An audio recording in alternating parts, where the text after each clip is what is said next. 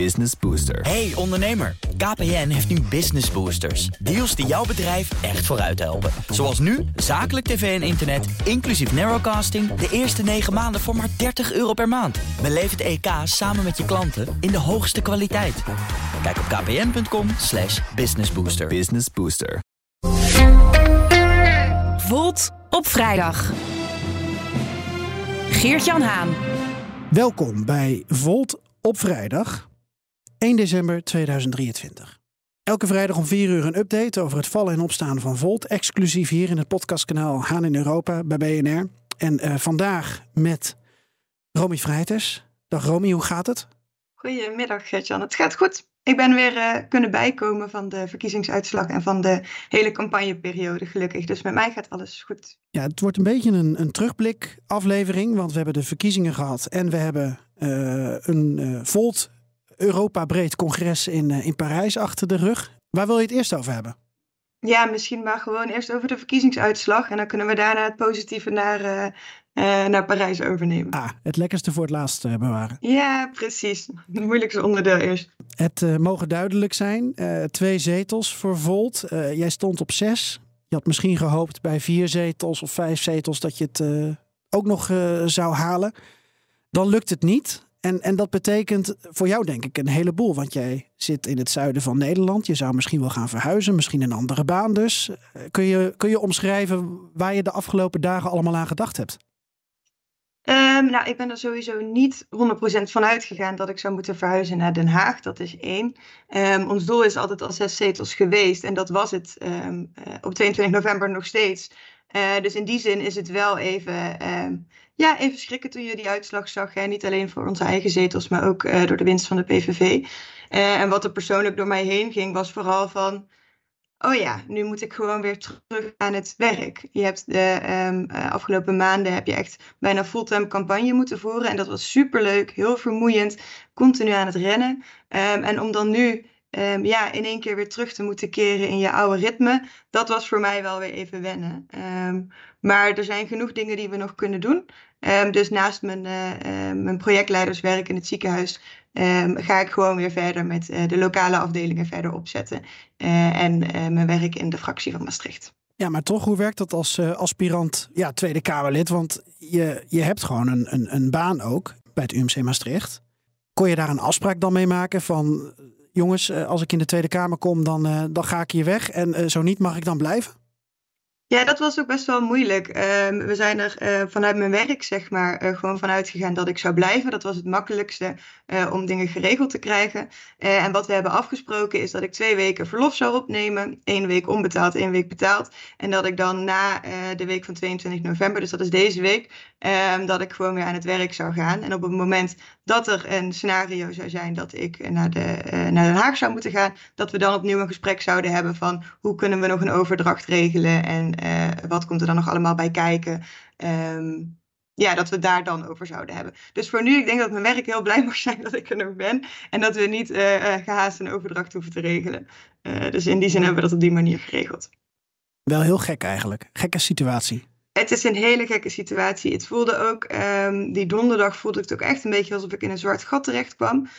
Um, ik hoefde niet vroeg op te staan. Ik hoefde niet te rennen naar, uh, van debat naar debat en van interview naar interview. Ik hoefde eigenlijk niks meer te doen met mijn social media buiten een statement plaatsen van nou jongens, dit is de uitslag en dit is wat ik ervan vind en dit is wat ik nu ga doen. Um, ja, dus het voelde, het voelde een beetje gek. En nu? Wanneer ga je weer gewoon door voor je gevoel? Ben je nog aan verwerken? Uh, nee, ik ga nu alweer gewoon door. Uh, ik heb in Parijs een heel, hele hoop kunnen verwerken. Uh, iedereen, we zaten met, met ongeveer 900 man. Um, iedereen zat een beetje met zo'n gevoel van goh en nu. Um, dus dat hielp heel erg om het te kunnen, een plekje te kunnen geven en om verder te kunnen gaan. Um, en met de fractie van Maastricht en met het bestuur van Volt Zuid-Limburg hebben we nu besloten dat ik naast mijn burgerlidmaatschap aan de slag ga als citylead. Um, dus dat is zeg maar de, uh, de spin in het web tussen de fractie en het bestuur en de leden. Om ervoor te zorgen dat iedereen op de juiste plek binnen de partij terechtkomt. Um, en dat we echt kunnen gaan, uh, ja, verder kunnen gaan bouwen aan onze toekomst. Ehm, en dat we al die energie die we hadden tijdens de campagne en al die motivatie, dat we die kunnen vasthouden en dat die niet, niet, niet nu wegglipt uit onze handen. Want dat zou heel erg zonde zijn, want we hebben alle ja, enthousiaste vrijwilligers hartstikke hard nodig naar de EP-verkiezingen toe. Nog even e-, één opmerking of ja, terugblik op die, op die verkiezingen. Uh, want die verkiezingsavond, uh, nou, we hebben elkaar ook even gesproken. En, en dat was ook een beetje de teneur bij anderen. Iedereen was toch wel uh, een beetje in shock in verband met de verkiezingsuitslag. En er leek uh, een sfeer te hangen die wat deprimerender was vanwege de enorme winst van de PVV. En niet eens zozeer vanwege het feit dat jullie slechts twee zetels hebben gekregen. Heeft dat inmiddels een plek gekregen? En ook met een reflectie van jongens, um, ja, we moeten misschien uh, dit en dit de volgende keer doen? Um, ja, een, plek heeft het wel een beetje gekregen. Ik denk dat het moeilijk is om nu al te kunnen zeggen: dit moeten we de volgende keer anders gaan doen, of zo moeten we het in gaan steken. Uh, om ervoor te zorgen dat we um, ja, hoger uitkomen dan die twee zetels. Ik denk dat we echt hartstikke blij mogen zijn met dat we onszelf hebben kunnen handhaven in dit. Ja, kan je het een politiek slagveld noemen eigenlijk. Um, ik denk dat je, uh, dat je er echt heel erg trots op mag zijn en dat we een enorm goede campagne hebben neergezet. En dat we zeker moeten gaan kijken van, goh, wat drijft mensen om op zo'n anti-rechtsstatelijke, racistische, zeg maar, partij te stemmen? En hoe kunnen we mensen ervan overtuigen dat ons geluid ook een tegengeluid is tegen, um, ja, hoe zeg je dat? Um, je, je, hoort nu heel vaak dat de, de PVV-stemmer eh, korte termijn denkt, hè, kan mijn rekening niet betalen. Um, Geert Wilders luistert tenminste naar mij. Hoe krijg je uh, die kiezer ervan overtuigd dat Volt er ook voor hen is? Dat uh, wij er ook voor willen zorgen dat de koopkracht voor iedereen erop vooruit gaat. Um, dat je je energierekening kan betalen en dat je je boodschappen kan betalen. Dat willen wij ook. hoe gaan we ervoor zorgen dat we ook die kiezers bereiken met ons verhaal? Uh, ja. Want ik denk dat, dat, dat we er in ieder geval over eens kunnen zijn dat dat uh, uh, niet gelukt is.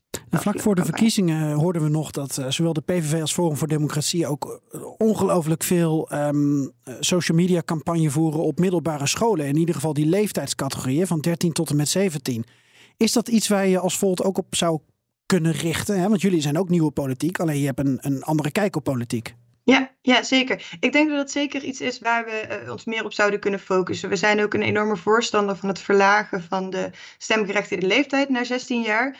Um, ik denk hoe jonger je begint met je interesseren in politiek, leren over politiek, over verschillende partijen en standpunten, um, dat je dat langer vast blijft houden hè, de rest van je leven. Ik denk dat dat enorm belangrijk is.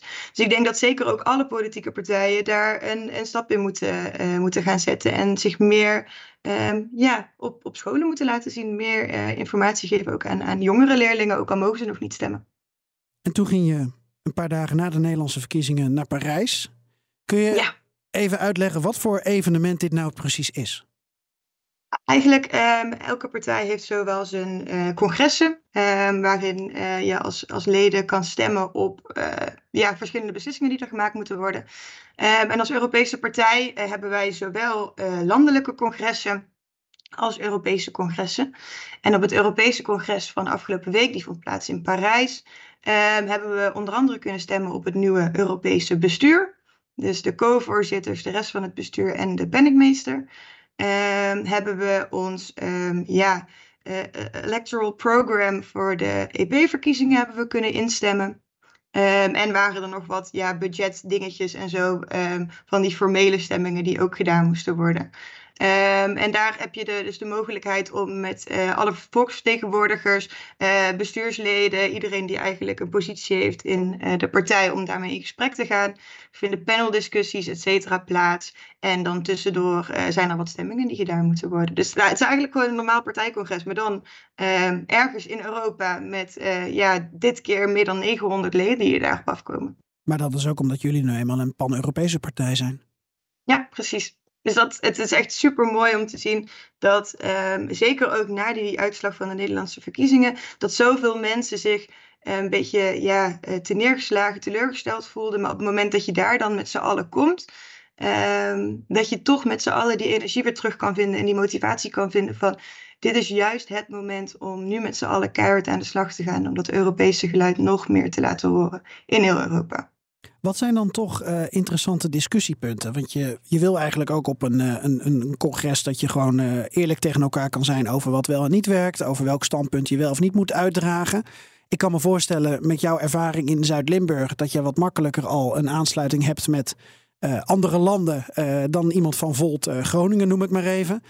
Hoe, hoe gaan die discussies over punten waar misschien heel moeilijk één beleid over te voeren valt? Ik denk maar aan een standpunt over Israël bijvoorbeeld, waar het ja. uh, eerder over is gegaan.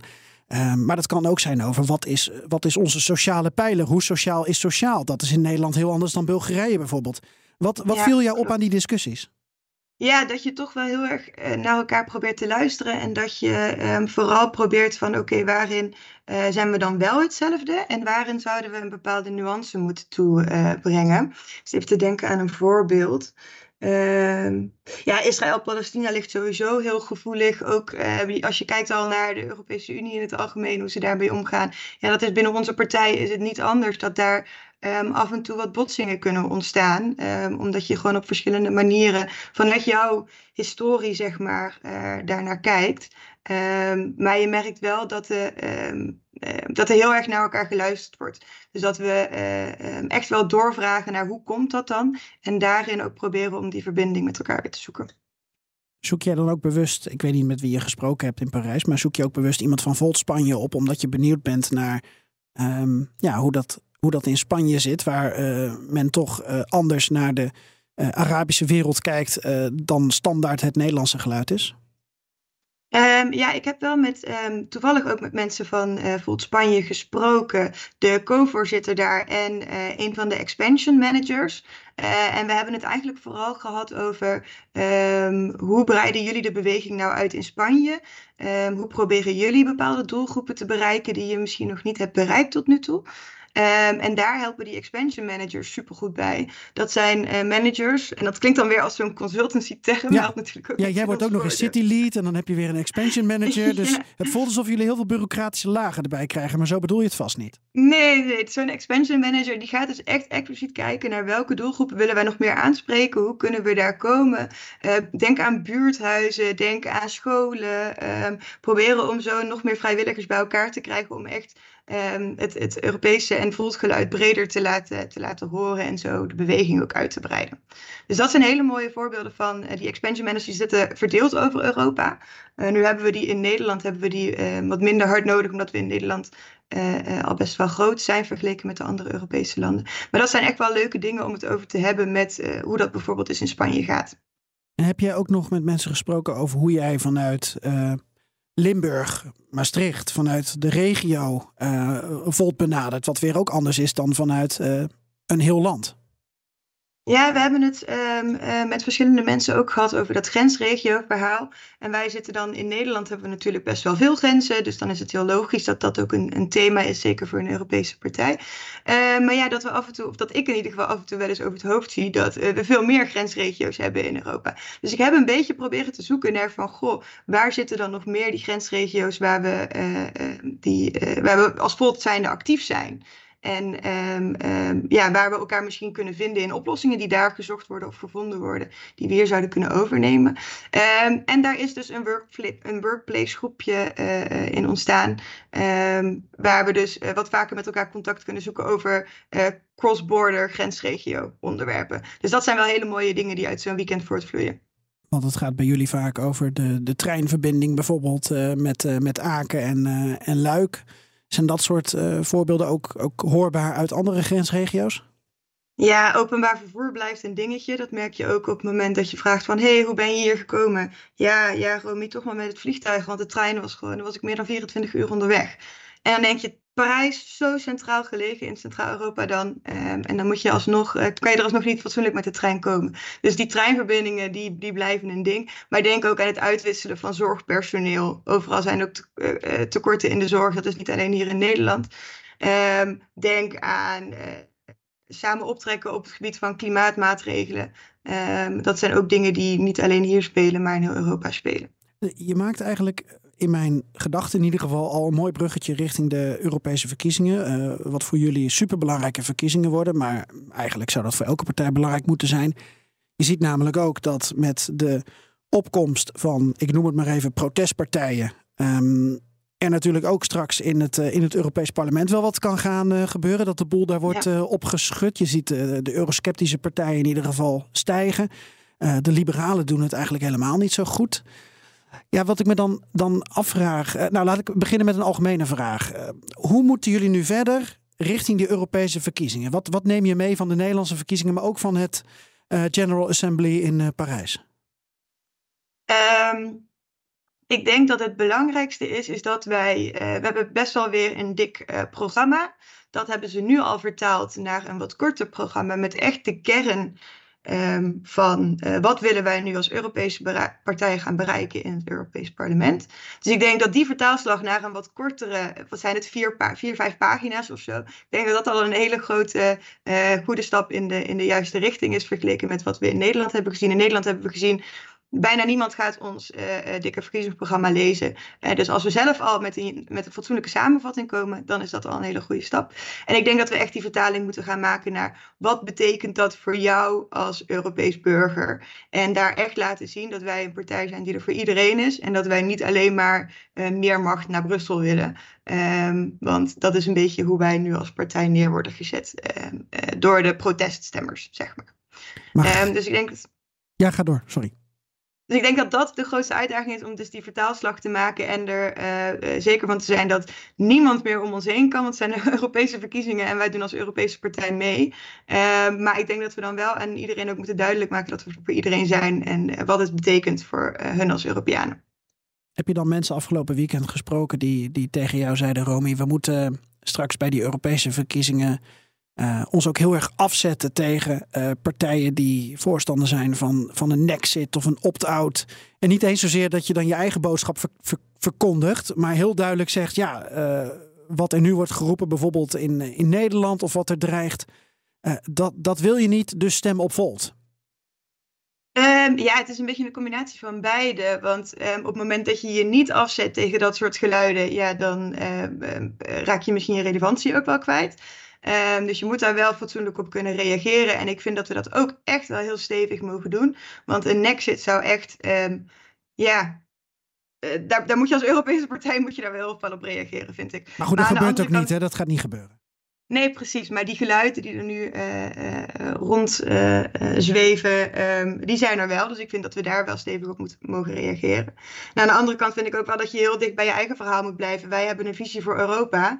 En, en, en een vrij complete visie, die geen andere enkele partij heeft. En wij kunnen dat vanuit alle verschillende Europese landen, kunnen wij die visie ook gaan waarmaken. Dus we zitten het is niet het doel om alleen in het Europees Parlement te komen. We moeten het overal gaan doen, zodat we die visie kunnen waarmaken. Dus ik denk dat dat ook het verhaal is waar we heel dichtbij moeten blijven. Nou, dan denk ik dat we nog uh, tot slot uh, het voorbeeld wat je aangeeft over zorgpersoneel uh, en daarmee arbeidsmigratie, dat we dat nog wel even kunnen, kunnen aanzwengelen. als je kijkt naar de, de partijen die nu als meest logische onderdeel van een coalitie worden gezien, of ze nou uiteindelijk willen of niet, maar denk aan PVV, BBB, en de CVVD. Dan zit een Nexit er niet in, maar dan zou het zomaar kunnen gaan. Dat is procedureel heel moeilijk, maar zou het zomaar kunnen gaan over een opt-out op migratie.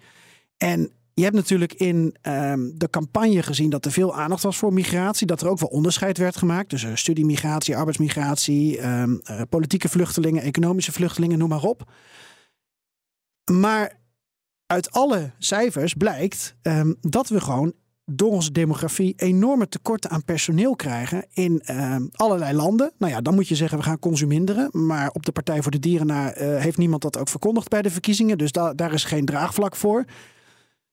Dat geluid, dat zou je eigenlijk natuurlijk veel meer voor het voetlicht willen brengen. Um, maar heb je daar ideeën over hoe je dat doet? Ook vanuit een grensregio als, um, als waar jij zit?